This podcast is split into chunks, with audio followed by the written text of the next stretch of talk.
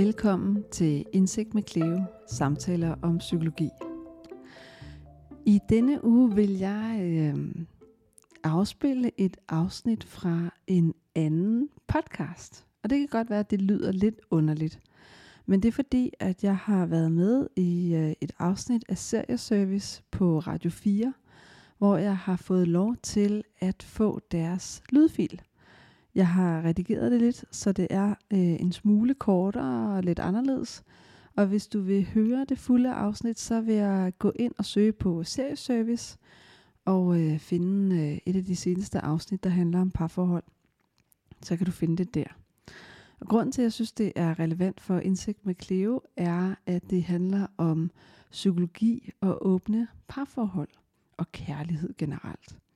Vi kommer vidt omkring, og du får indblik i Melus personlige fortællinger og mine refleksioner omkring, hvordan man forventningsafstemmer og er ærlig i parforholdet, uanset om man sådan set er monogam, eller har et åbent parforhold, eller et polyamorøst parforhold.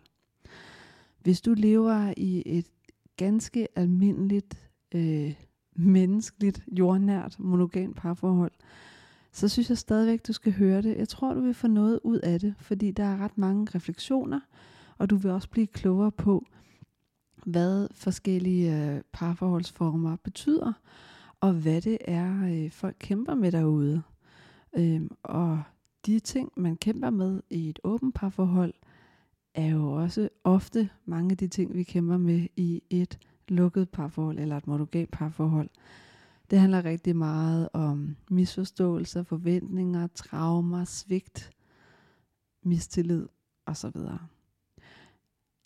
Jeg vil ikke sige så meget andet end rigtig god fornøjelse til denne specialudgave af Indsigt med Cleo samtaler om psykologi, hvor du også vil møde øh, Malu, som lever i et åbent ægteskab, og så selvfølgelig radioverden Sissel, som er super sød og nysgerrig og stiller en masse kloge spørgsmål. Og derudover så er jeg også til stede for at øh, drysse lidt øh, psykologi og noget faglighed ned over programmet. Og så er der en masse spændende lydklip fra diverse tv-serier, som vil belyse emnet også. Serien hedder som sagt Serieservice, og øh, forsøger at undersøge, hvordan vi kan blive klogere på verden og hinanden gennem ganske almindelige tv-serier. Rigtig god fornøjelse. Du kender det sikkert, forestillingen om den eneste ene, og samtidig så viser det sig, at de seneste tal for skilsmisser er på knap 42 procent. At de par, der bliver gift, de bliver alligevel skilt igen. Så måske er det ikke så simpelt. Og lige nu står der to mennesker over for mig og nikker. og det er jo simpelthen, det er dig, Malu Lassen. Du lever i et åbent parforhold. Mm. Og nogen kender dig sikkert fra DR-serien Kunne godt, må godt, som blev vist for nogle år siden. Mm. Og ved siden af dig, Ja. der står der Cleo Søndergaard. Yes. Du er psykolog, Mm-hmm. parterapeut, du er seksolog, og så har du også podcasten Hvorfor gik du ikke bare? Og samtaler om psykologi. Nemlig. Og jeg er simpelthen så glad for, at I er her i dag. Fordi vi skal jo tale om åbne parforhold, og vi skal tale om kærlighedens magt i vores samfund. Og det skal vi simpelthen gøre ved at kigge på en masse dejlige serier og film, I har taget med. Og jeg, altså, jeg har glædet mig hele ugen. Det har jeg også. Jeg elsker at tale om kærlighed. Jamen, det gør jeg også. Og den første ting, vi skal tale om, du må gerne rette på mikrofonen. Tak. Du må gøre lige, hvad du vil. Jeg kan bedre se Ja. jer begge to. Nå, ja. Den første serie, vi skal tale om, det er en serie, du har taget med, Malu. Ja. Det er Soulmates. Øhm, hvis man lige kort skal forklare den, så er det en serie, hvor det er lidt en sci-fi-serie, hvor i en nær fremtid, så kan man lave en eller anden genetisk test, og man bliver matchet op, hvis man vil, med sin soulmate. Og så er der ligesom seks afsnit, som har seks forskellige historier. Men i afsnit tre, så er der nogen, der øh, er i et åbent forhold, og så får den ene sin soulmate. Mm. The Drama. Ja. Skal vi høre, hvordan det går? You know, I suggested it to my husband. We discussed it. And he said if I hooked up with anyone else, he'd kill me. His exact words were, I would stab you with your favorite knife. Adam must be like a pig in shit. Mm, it was my idea. You make me sick. No, we're gonna be together forever and ever, and I just don't want to grow up. and resent him. What if you fall in love with someone else? No, I won't. And he won't. We have rules. One, only from the app. Two, only one night. It's just a little adventure, and it keeps us exciting to each other. Honestly, I think we've cracked monogamy. Okay, hvad, hvad i alverden handler det her om? Øhm, ja, men det er nemlig det her par, øh, som man følger i det her afsnit, som allerede har et åbent forhold og har de her øh, øh, meget afgrænsede regler for, hvordan de må se andre. Og så er det så hende kvinde, vi hører tale her, som, som møder sin soulmate, og hun bliver selvfølgelig forelsket. Øhm, men hendes soulmate er så en heteroseksuel kvinde, øh, men de bliver alligevel super forelsket. Og så, nu spoiler jeg bare lige afsnittet, men... Det må du gerne gøre. Må man godt ja. Nej, men så, øhm, så kommer der selvfølgelig et skænderi, fordi at det var ligesom ikke afklaret med øhm, hovedpersonens mand. Øhm, men så, ja, så følger hun, forfølger hun kærligheden med sin soulmate, men finder så ret hurtigt ud af, at de, altså det kan godt være, at de er soulmates og har vanvittig kemi, men de fungerer ikke særlig godt sammen som par. Altså mm. hende, øh, øh, soulmaten, har et enormt stort behov for at være alene og have meget frihed i sit liv, og det har hovedpersonen ikke. Øhm, så de ender med at bo sammen alle tre, hvor hende kvinden så er, øh, er partner med begge to, og for ligesom, øh, det fungerer super godt for dem. Hvad tænker du om det her klip, Cleo? Jeg tænker, det er, det er en meget god beskrivelse af den naivitet, der kan være i starten af, når man åbner sit parforhold op. Ikke? Den her tro på, at hvis vi bare laver regler, så er det en garanti for, at det ikke sker. Øh, hun siger selv, det må kun være en nat, og så er det det. Øh, og nej, jeg bliver aldrig forelsket. Men det kan vi jo ikke garantere imod. Vi bliver nødt til at forholde os mere øh, pragmatisk til, jamen hvad gør vi, når en af os bliver forelsket? Eller hvad gør vi, når en af os får lyst til at se en person en eller to eller tre gange? Hvor rigide er vores regler? Kan vi genforhandle det? Kan vi gå tilbage og lave dem om og kigge på dem en gang om måneden eller en gang hver halve år? Øh, fordi vi bliver nødt til at forholde os til, at vi er mennesker. Vi er menneskelige, og vi vil begå fejl. Men øh, ja, det var det, jeg faldt over ved klippet. Er det sådan en klassisk problematik? Hvad er det, hvad er det der sker? Du, du har jo folk i terapi, som Ja. er i gang med at åbne deres parforhold. Ja. Åh, oh, det er et meget stort og åbent spørgsmål. Øhm, jeg har jo både mænd, der føler sig utilstrækkelige og på overarbejde, og der skal ikke så meget til, før de bliver usikre og mærker skam og mærker vrede mod den anden. Øhm, og har også skulle vende sig til at være mindre ærlige for at være gode nok. Så de skal vende sig til, at i et åbent forhold, jamen der skal du faktisk fortælle om, hvad du vil have, hvad du begærer, hvad du lyster. Så er der andre øh, kvinder især, som har været nogle overlevere, nogle selvstændige kvinder. Så de har måske en tendens til at være meget selvstændige og meget private omkring deres følelsesliv og deres begær. Også fordi vi som kvinder har jo levet med generationer af skam og religion og nedgørelse og så videre. Så vi skal også vende os til, at wow, vi må gerne have lidenskab, vi må gerne være passionerede, vi må gerne sige højt, at jamen, det jeg drømmer om, det er et gangbang med 10 mænd. Øhm, og det er ret nyt i mange par. Så det er også noget, man skal vende sig til, når man åbner forholdet op, at der er ikke noget åbent forhold uden en åben kommunikation. Ellers så er det jo et monogamt forhold med utroskab. Og hvordan i alverden etablerer man den åbne kommunikation? Jeg rådgiver mig altid til at gå for langsomt frem, fordi man kan altid gå for hurtigt og begå nogle fejl, og det tager lang tid at udredes, fordi det kan jo være tilknytningsbrud og svigt, det kan give. Øhm, nogle par, de starter deres åbne forhold ud med, at den ene part har været utro, og måske er forelsket i den, de har haft en affære i med. Så der, der skal vi ligesom give ned, og så bruge en masse tid på faktisk at hele det her svigt, før vi overhovedet kan komme et sted hen, hvor vi tager stilling til, om et åbent forhold, om det er det, de kan klare. Fordi det starter jo på et traume, så fundamentet er smadret til at starte med. Så et åbent forhold kan bringe det i for meget fare. Jeg plejer at sammenligne lidt øh, metaforisk med et højhus. At commitment og øh, den tro, man har på hinanden, øh, er limen i parforholdet. Det er fundamentet i det her hus. Stueetagen, det er de følelser, der er. Det er den gode sex. Det er det er den hyggelige tid sammen, det er de ture, man tager på.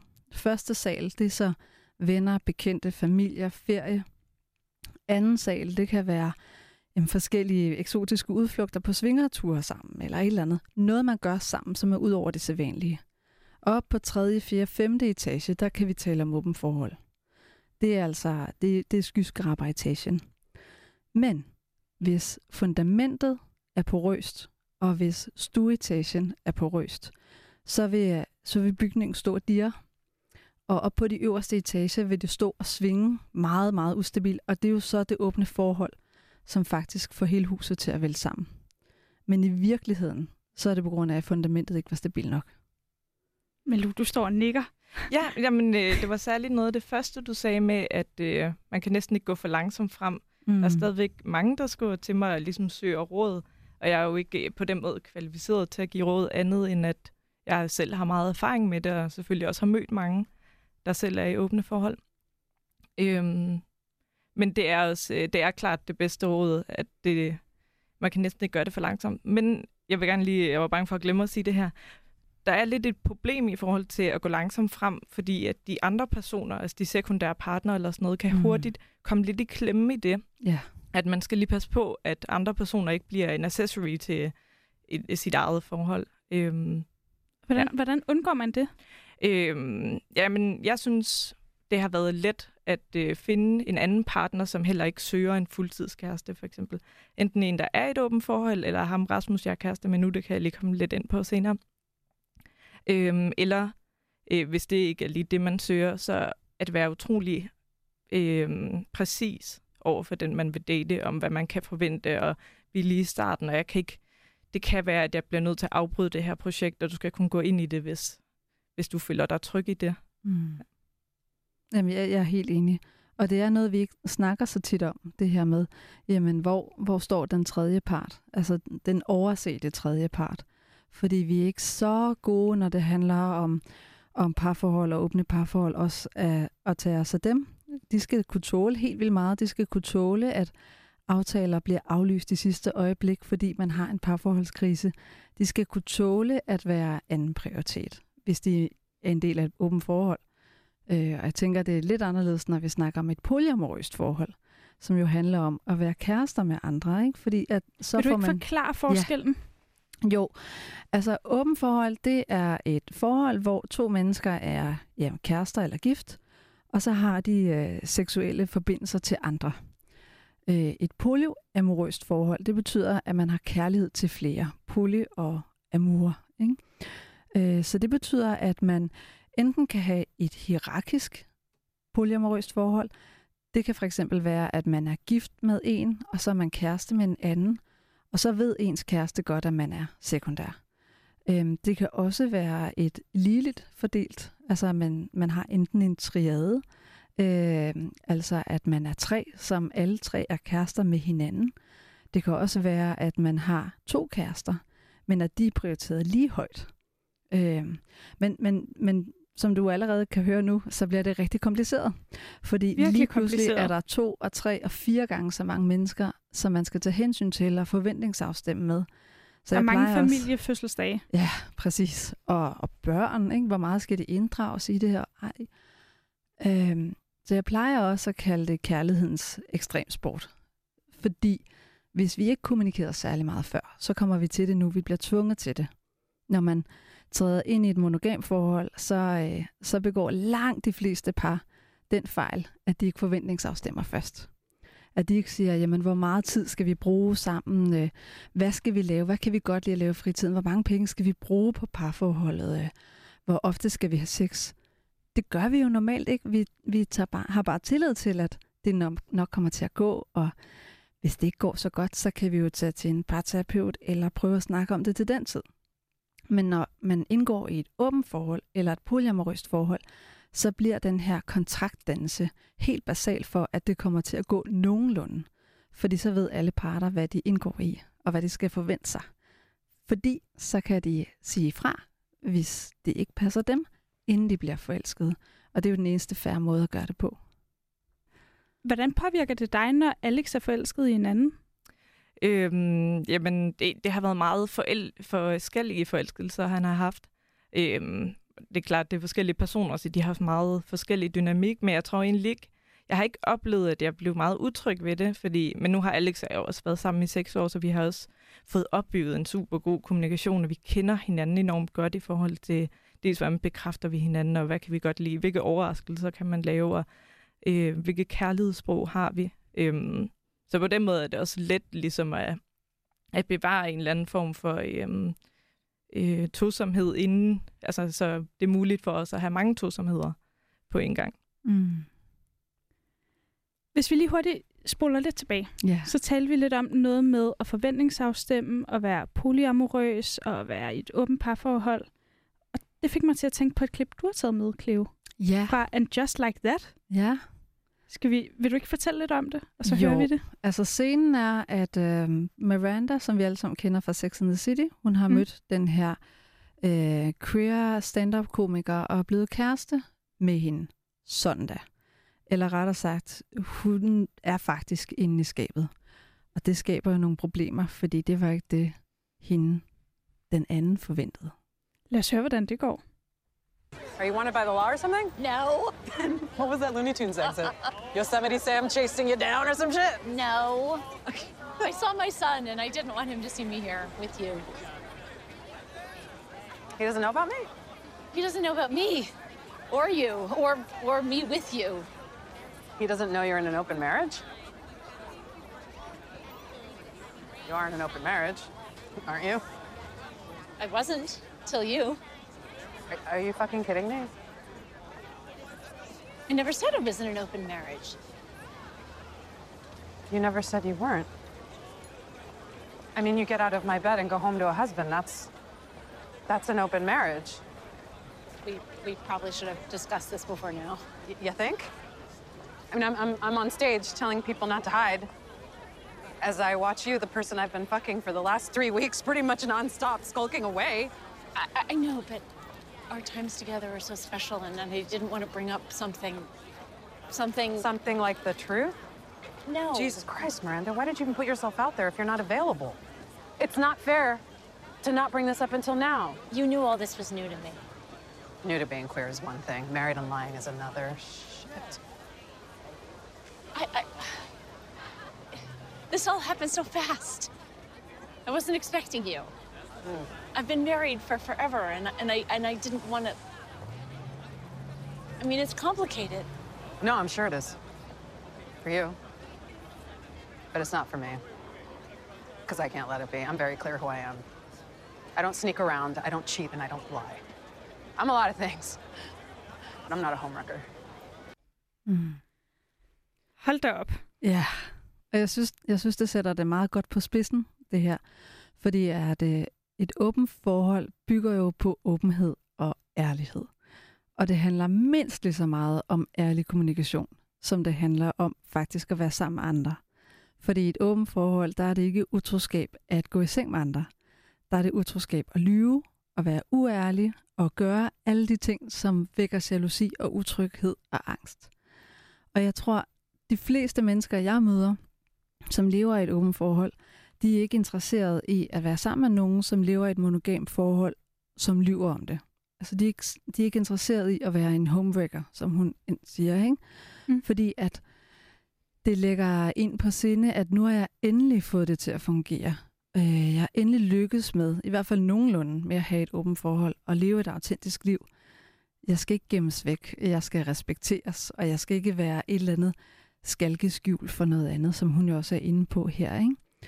Så det handler om, at jamen, den eneste måde at være fair på for alle parter, det er at være åben om, hvad der foregår. Også sådan så, at den, der lever åbent, øh, kan få lov at forholde sig til, om om man er overhovedet interesseret i at være en affære, en hemmelig affære, eller ej.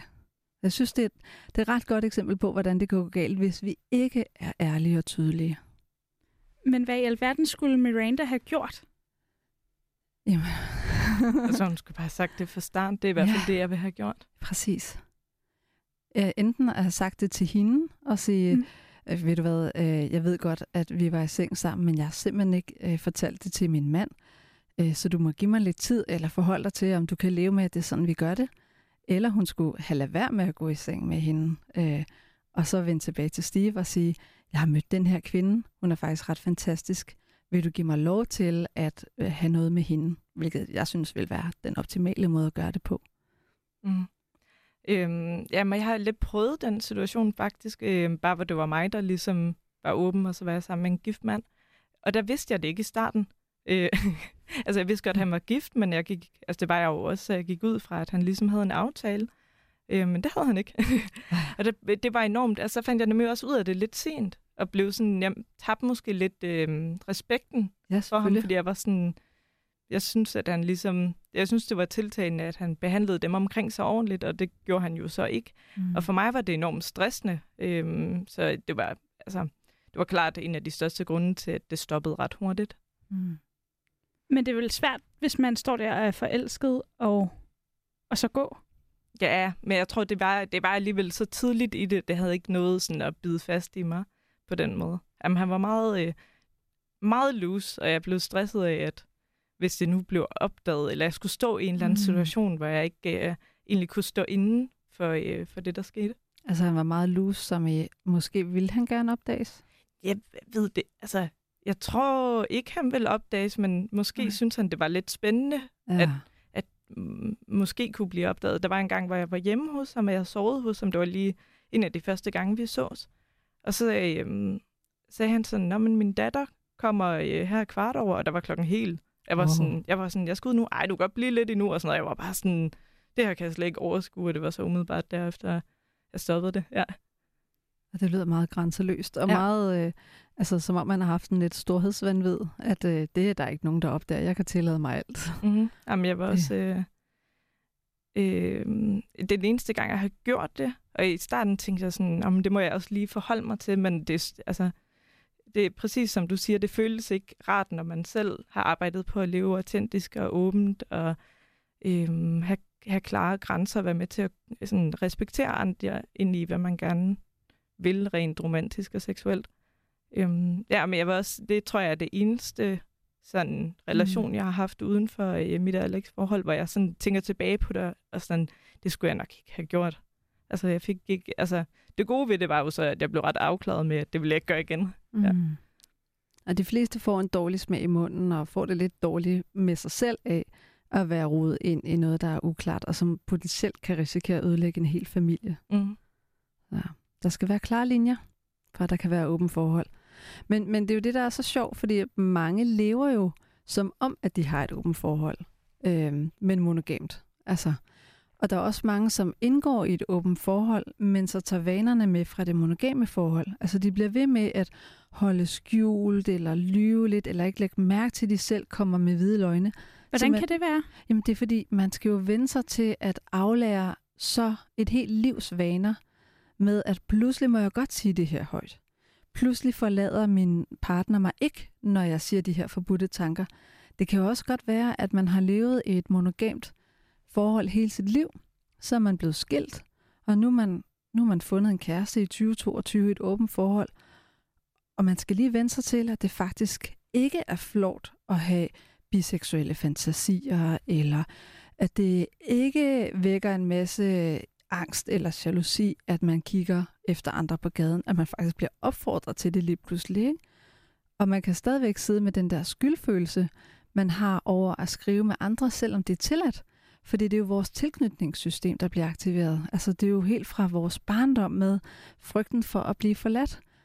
Og hvis du har levet i flere år i et monogam forhold, jamen så har du indlært, at det her det er forbudt, det er farligt, så vækker det en masse angst, og så kommer vi til at lave hvide løgne. Så der er også noget, der skal aflæres der. Det er jo en kæmpe proces, det her. Ja, det er. Jamen, jeg tror også, det er en af... Øhm, der er lidt forskellige fordomme, jeg møder, men det her med, at det kræver enormt meget kommunikation. Det er meget tungt, ligesom at, øh, at starte op. Øhm, det tror jeg er nogen... Altså, der er i hvert fald nogen, der bliver meget overvældet af den tanke. Mm. Øh, og det er jo fair nok. Altså, det oplever jeg det også, som om det er, men til gengæld så oplever jeg også, at når man ligesom har fundet det der rum, hvor man kan snakke om ja. de svære ting, og også begynder at lære ens egen grænser at kende. Altså de udfordringer, vi endte med at have i starten, var slet ikke dem, jeg sådan havde tænkt, vi ville have. Øhm, så jeg tror egentlig, at vores forhold på mange punkter mm, kører mere glat end mange monogame forhold, fordi vi netop Mm. har vendet os til at have en kontinuerlig snak om Ja. grænser og behov, og få sagt ting i god tid, så man ikke... Øh, for eksempel, da jeg mødte Alex, der var han inde i sådan en vane, eller hvad man skal kalde det med, glemme at sige sine behov eller grænser, før det var for meget. Oh, Øhm, han holdt ud. Ja, han holdt ud, og sådan, han havde lidt et pleaser-gen.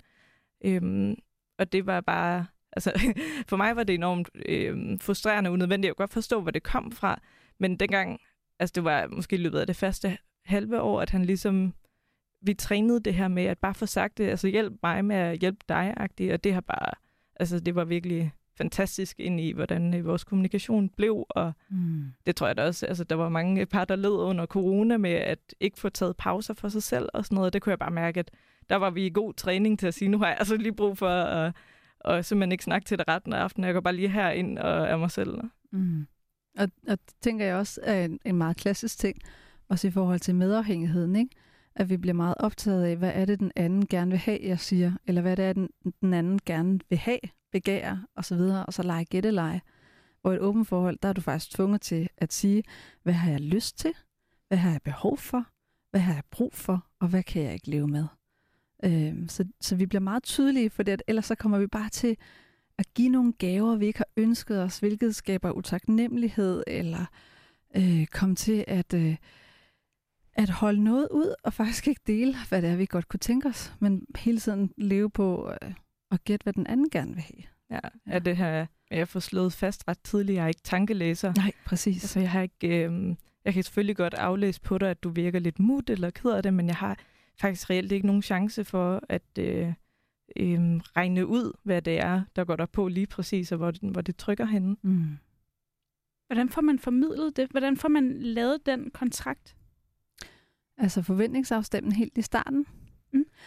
Øh, jamen, øh, hvis man skal lave en skabelon, må jeg dele sådan, hvad jeg tænker Ja, ja, kunne være fint. vigtigt at have med? Øh, fordi jeg, jeg tænker, for det første, så skal man aftale, hvor fleksible aftalerne er til at starte med. Øh, fordi der kan opstå en konflikt senere, når den ene siger, jamen, du sagde jo, du havde lyst til det og det, og i dag siger du, du har lyst til noget helt andet. Hvad handler det om? Men det er jo bare sådan, at kvinder især, nu generaliserer jeg, men kvinder især, de vil gerne have mere, de er fyldt med inspiration, og de ændrer mening. Og manden skal være den her klippe, som kan tåle, at okay, inspirationerne kan ændre sig.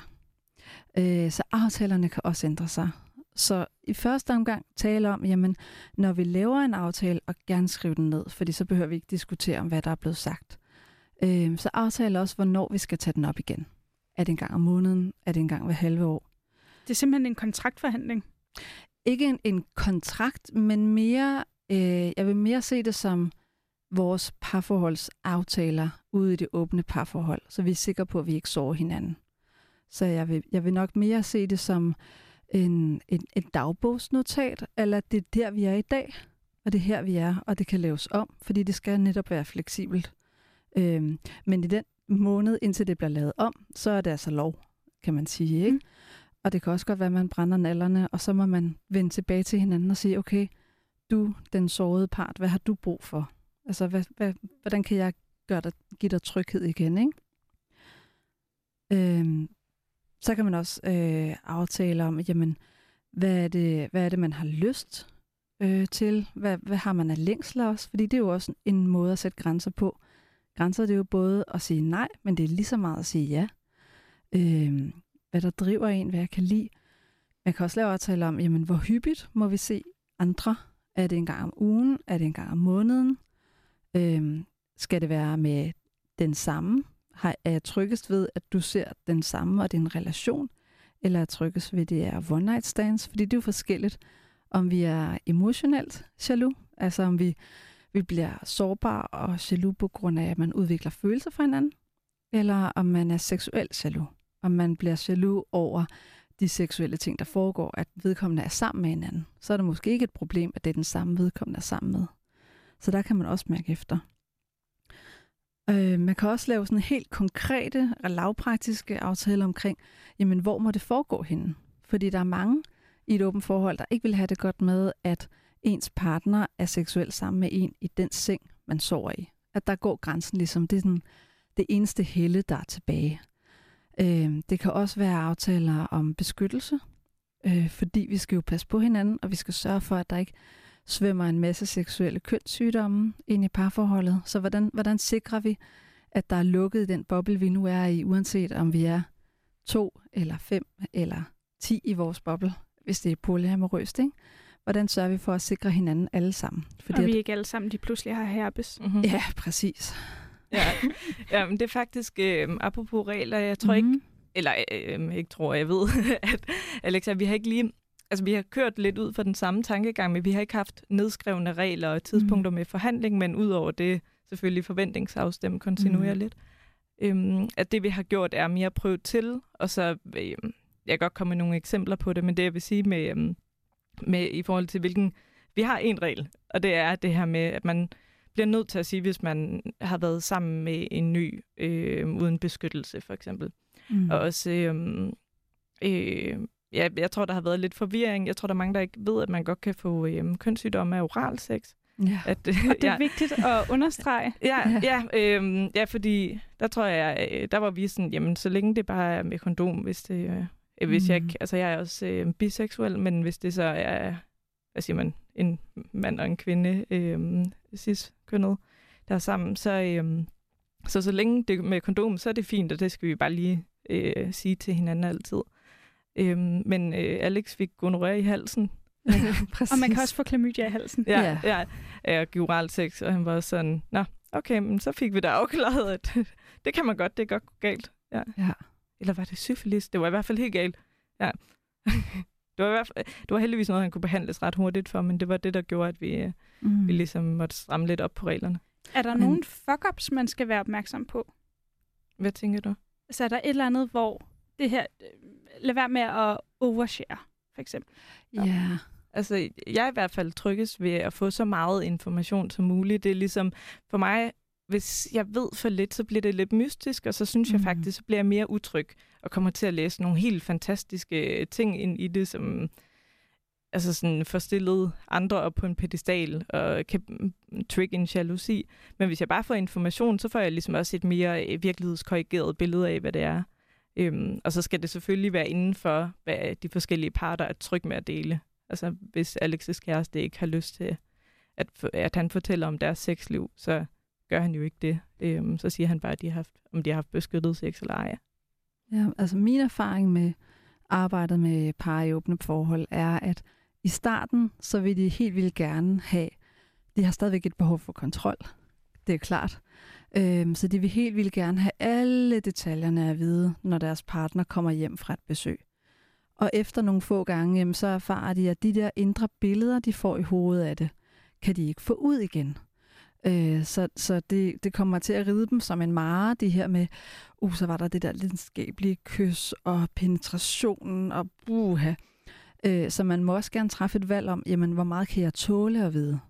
Øh, fordi i starten har man behov for masser af information, men efterhånden som tiden går, og man lærer igen og igen, at min partner er ikke smuttet, vedkommende er mindst lige så forelsket og vild med mig, som han var eller hun var før besøget, så får man mindre og mindre behov for information, fordi at tilknytningen og fundamentet er stabilt i parforholdet.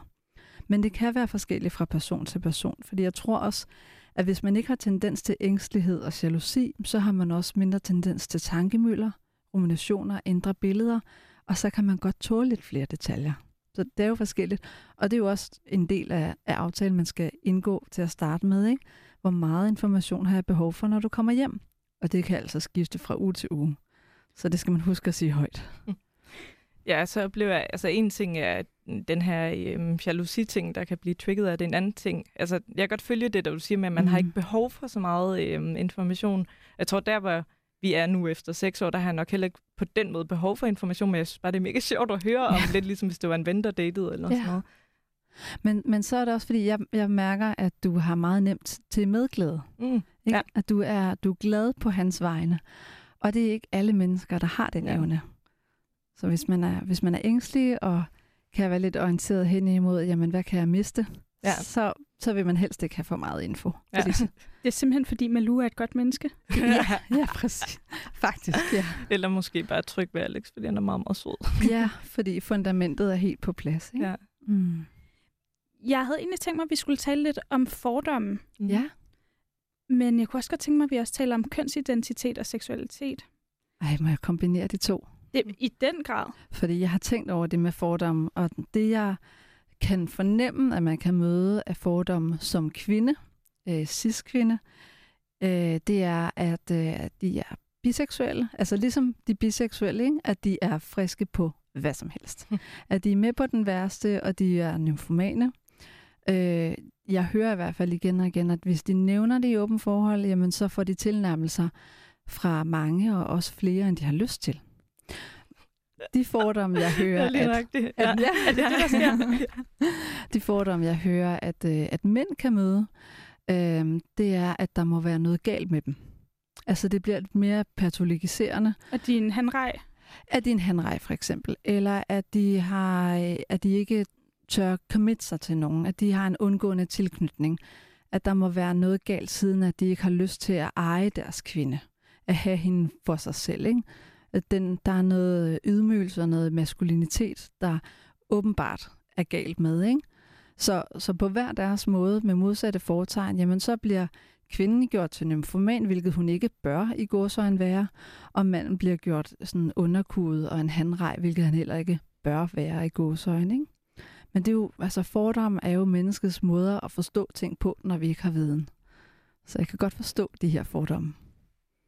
Ja, en, en fordom, som jeg også tit møder, Mm. det er det her med, at din øh, øh, ægte mand ikke nok for dig, eller at din partner ikke nok for dig, øh, siden at du også vil have andre.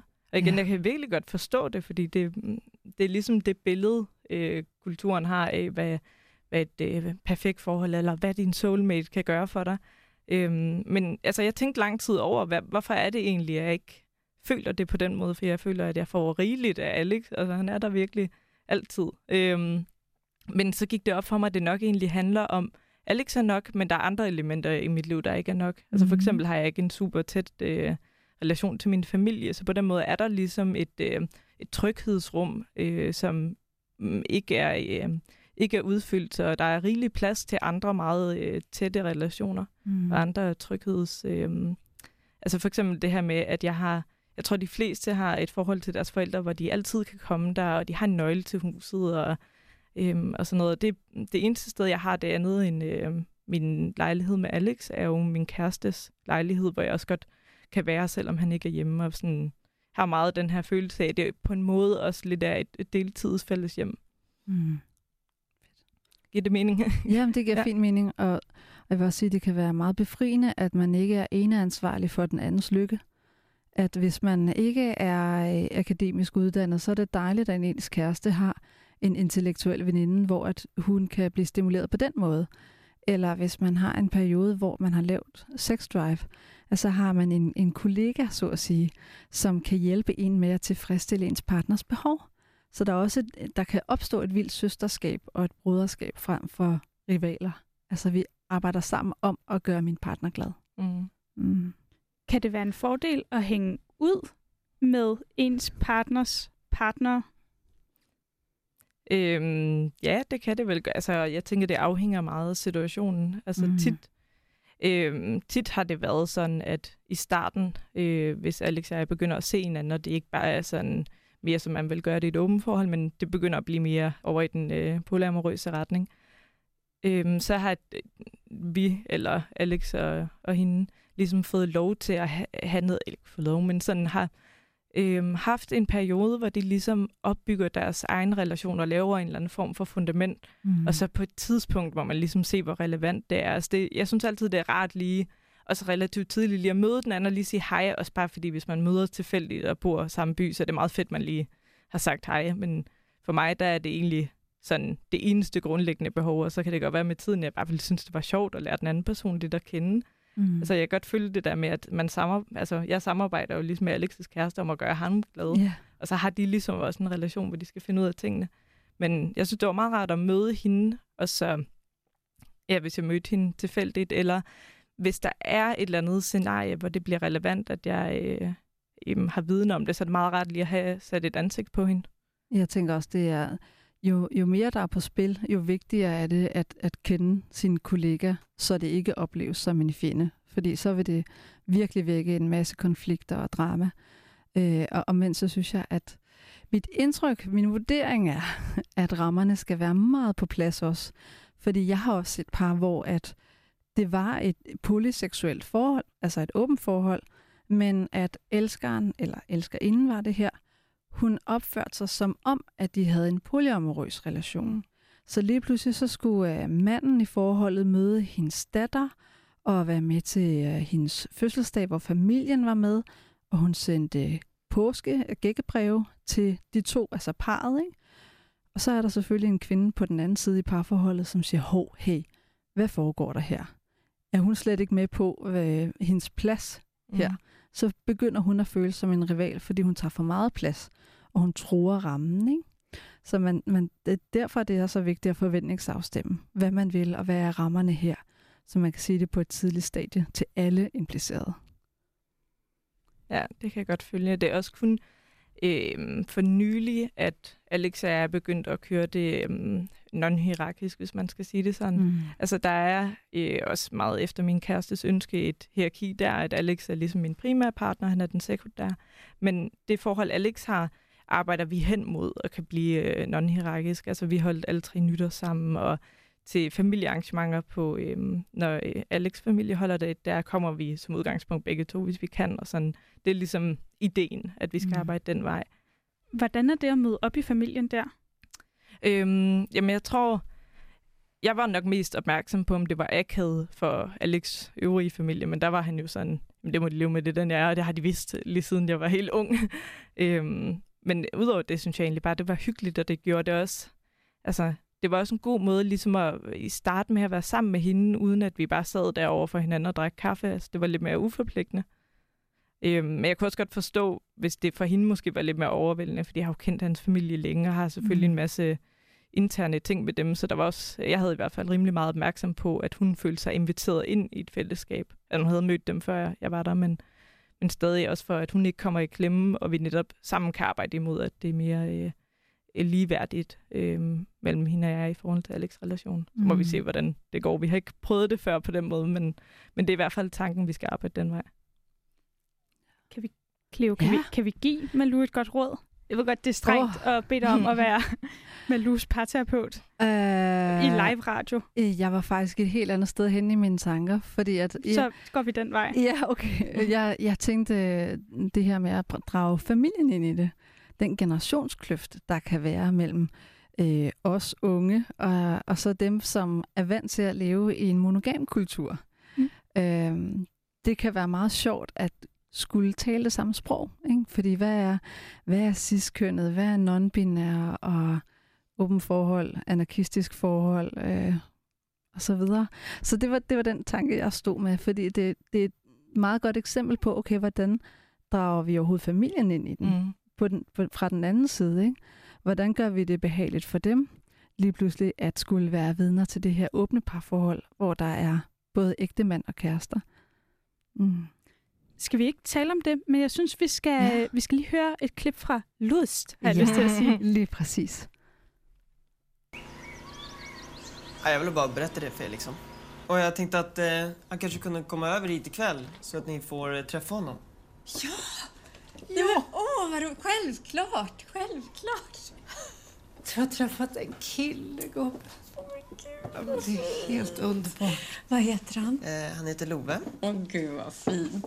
Kärlek på engelska. Det kan inte vara bättre. Jo, nej men det känns bra.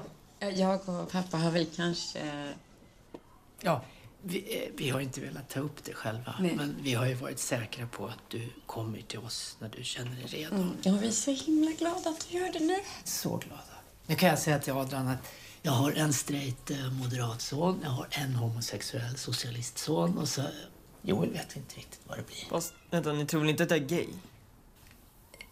Nej. Eller, vad, vadå? Jag är icke-binär pansexuell. Ni vet vad pansexuell är, va? Ja, ja. Ja, ja det, det vet ja. vi. Just det. Ja, gud. Bra. Jag är så sjukt trött på att förklara det för alla hela tiden. För först tänkte jag att jag var asexuell. Men sen kände jag att det kanske handlade mer om demisexualitet och inte outsexualitet som jag trodde från början. Sen när jag träffade Love så tänkte jag att jag kanske är transsexuell. Men jag vet inte, jag är väl säkert bara genderfluid. Mitt pronomen är fortfarande han. Eller hen. Alltså, båda funkar. Okej. Än så länge. Men ni båda är väl helt diadiska, eller hur? Eh, Vet ni, jag måste get. Ja, det jag ska göra det sista på lokalen. Det är galapremiär på Fisher Fruit nästa helg. Men vi ses ju ikväll. ja, Ja. Med Love. Grattis igen, älskling. Tack så mycket, pappa. Ja, och just det. ehm, Love är vegan. Okej. While strolling through the park one day in the merry month of May, I was. Vänta nu då här. Lyssna, nu läser jag. Okej? Pansexuell innebär förmågan att attraheras sexuellt av personer oavsett kön. Det är inte så himla konstigt. Så långt är jag med, eller hur? Bisexuell. Exakt. Jag hade faktiskt en kort period i 20-årsåldern när jag var lesbisk. Hade du? Ja, men sen gick det över bara poff, straight igen. Ordet pan antyder att det finns ett spektrum av kön och inte bara två som ordet bi. Alltså, seriöst. Ett spektrum av kön. Att det finns fler kön än två, vad, vad är det du inte förstår? Ja, men det tycker inte jag heller är så konstigt Martina. Men, men rent biologiskt så finns det faktiskt bara två... Jag tänker på panflöjt. Jag med. Exakt. Alltså det var det första jag tänkte på. Panflöjt, de där som stod nere på Sergels torg på Plattan ja. förut. Vart tog de vägen? Ingen aning. Peru. Jag köpte faktiskt en CD en gång, ganska bra, om man gillar panflöjt. Det här har ingenting med dem att göra, det kan jag ju lugnt säga. Vissa föredrar därför pansexuell som begrepp för att signalera att en ser sin sexuella läggning som bortom tvåkönsnormen. Fan, alltså min son, han ser sig själv som bortom tvåkönsnormen. Men han är väl inte intersexuell? Jag menar på sin höjd transsexuell. Ja, men jag orkar inte. Varför kan man inte bara vara homo eller bi? Som på 90-talet. Varför måste han hålla på med liksom interspektrosexuell eller liksom eh, panflöjtssexuell? Allt bra här tjejer? Ja, det var jättebra. Det var meget information på svensk. Ja, det var det. Men øh, vi sidder jo her øh, ved morgenmaden hos en familie, og forældrene kommer til deres søn, som, øh, som siger, at jamen, han tager den her mandlige ven med hjem. Han nævner hans navn, og så trækker forældrene lettet og siger, ej, det er så dejligt at høre dig komme frem som homoseksuel. Og så bliver sønnen meget chokeret og siger, tror I, jeg er homoseksuel? Altså, hvad tænker I på? Det er fuldkommen. Fuldkommen gammeldags. Altså, hvad, tror I virkelig, at jeg er så binær, ikke? Mm. Øh, så han går ind og underviser dem i, jamen, hvad er seksualitet, hvad er kønsidentitet, og siger, at jeg er altså panseksuel, og identificerer mig som han eller hen, og, øh, og I er bare dyadiske, eller hvad foregår der? Og så er det, vi klipper videre til forældre, altså morens veninder, der sidder og snakker ved restauranten, hvor vi så hører det her, øh, den her alderskløft, der er. Fordi i 1990'erne, jamen så kunne vi tage stilling til tre seksualiteter, ikke? Heteroseksuel, biseksuel og homoseksuel. Det var det, vi vidste, hvad var. Og ja, så var der selvfølgelig transvestitterne, men, men det, var sådan, det var det, vi vidste noget om. I dag der er der jo både øh, transseksuelle, transfetishisme, transkønsidentitet, vi har panseksuel, vi har sapioseksuel, vi har homoseksuel, biseksuel osv. osv., osv. Ikke? Så vi er gået fra at, at, at have et meget øh, binært samfund, hvor det er enten eller eller noget imellem, til at alt nu ligger på et spektrum, både i forhold til kønsidentitet, altså hvilket køn identificerer jeg mig selv med, så har vi øh, seksualitet, hvad er det, jeg tænder på, hvad er det, jeg er tiltrukket af, og så har vi parforholdskonstellationen. Den er jo også op til diskussion nu. Så alt er meget flydende, og det kan skabe rigtig meget forvirring og konflikt mellem, hvad skal man sige, meget normative, lidt gammeldags mennesker, og så de her øh, moderne unge mennesker, som prøver nogle forskellige ting af og anerkender det mere flydende i panseksualiteten for eksempel. Ikke? Så Malou, du er altså ikke alene, når du skal stå og forklare, hvad et parforhold er for ja, dig. så tænker jeg for eksempel det der med, altså jeg betegner mig selv som biseksuel, men det har jo også, altså det er jo nok i virkeligheden panseksuel, Ja. men det er simpelthen bare en, en mere simpel kommunikation, også øh, for ligesom at komme udenom den der generationskløft. Ja, præcis. Så jeg ikke behøver at forklare, hvad panseksuel er. Ikke? Øh, men, men det er også der, hvor at, at, øh, hvad hedder det, det politisk korrekte kommer ind i billedet. Ikke? Mm. At seksualitet også bliver politik. At vi skal, vi skal pludselig signalere åbenhed. Det er ikke nok, at vi tager det for givet. Vi skal sige direkte, at jamen, jeg er, jeg er non-binær, jeg er panseksuel, jeg er åben for alle. Øh, så det bliver også en politisk kamp på en måde. Ikke? Og det er fantastisk, at I to vil være med til at tage den kamp. Ja. Jeg er ked af det. Tiden løber jo simpelthen. Åh oh, nej. Og vi havde en masse på programmet, så det kan være, at jeg får lyst til at invitere ind igen en anden gang. Meget gerne. Ja, meget gerne. Det kunne være hyggeligt. Det vil jeg elske. Jeg vil gerne sige tak til dig, Cleo Søndergaard. Ja. Og tak til dig, Malu Lassen. Jeg synes, vi skal slutte programmet af med noget fra en musical-serie, der hedder Crazy Ex-Girlfriend, Mm. hvor øhm, to par endelig er fundet sammen igen. Og det øh, fejrer de på den her måde. never have